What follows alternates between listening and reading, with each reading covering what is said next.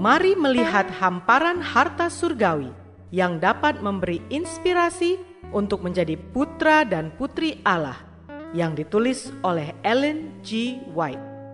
Melalui renungan pagi ini, kita akan mempelajari nasihat yang menguatkan dan memberi semangat untuk memperbaiki karakter kita. Bersama Mana Multimedia Ministry, selamat mendengarkan.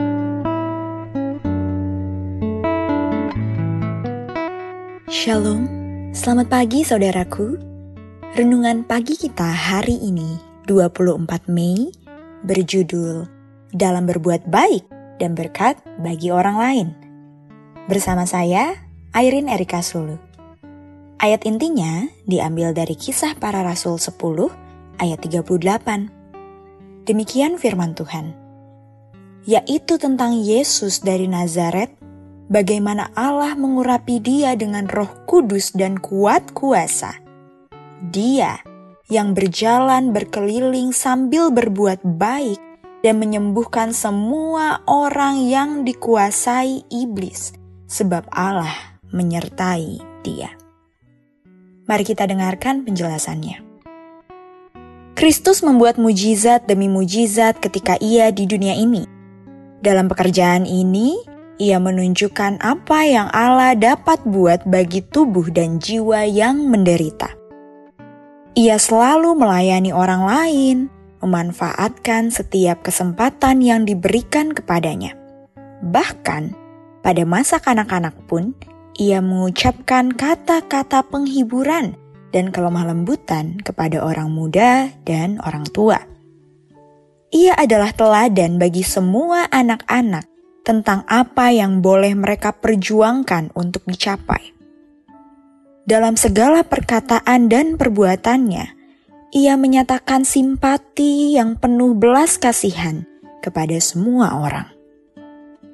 Persahabatannya adalah suatu balsam yang menyembuhkan dan meneguhkan kepada orang-orang yang tawar hati dan depresi.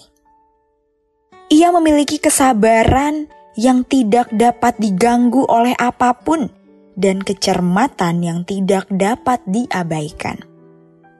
Tangan dan kakinya yang senantiasa bersedia melayani orang lain dan meringankan tanggungan orang tuanya. Hendaklah menuruti teladan Yesus dengan seksama. Sebagaimana bunga matahari selalu mengarahkan bunganya yang mekar ke matahari, begitulah hatimu, pikiranmu selalu tertuju pada Yesus, matahari kebenaran itu. Janganlah membuat diri menjadi pusat, dan janganlah kesenanganmu dan kemauanmu yang terutama. Usahakanlah kebaikan orang lain.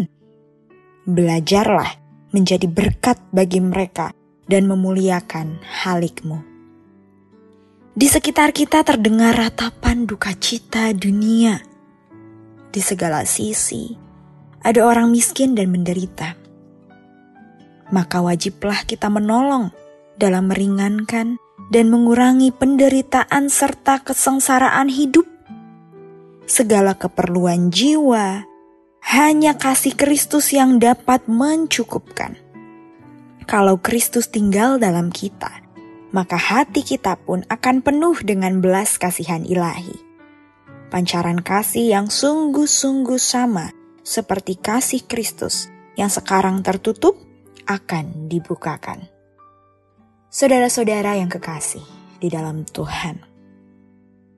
Banyak orang yang telah kehilangan pengharapan. Bawalah kembali sinar matahari kepada mereka. Banyak orang telah kehilangan keberanian. Doakan jiwa-jiwa ini. Bawalah mereka kembali kepada Yesus. Beritahukan kepada mereka bahwa terdapat obat di Gilead dan ada seorang tabib di sana.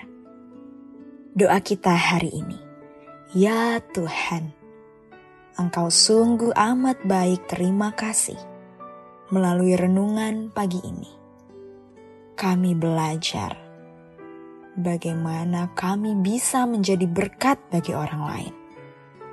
Terima kasih ya Bapa. Melalui renungan pagi ini, kami diingatkan agar kami tidak menjadikan diri kami sebagai pusat. Tolong kami hari ini ya Tuhan, agar kami dapat mengutamakan orang-orang lain berbagi kebaikan dengan sekitar kami ya Tuhan, sehingga namamu yang dipermuliakan. Terima kasih Bapa, hanya kepada mulah kami serahkan hidup ini di dalam nama Yesus. Amin.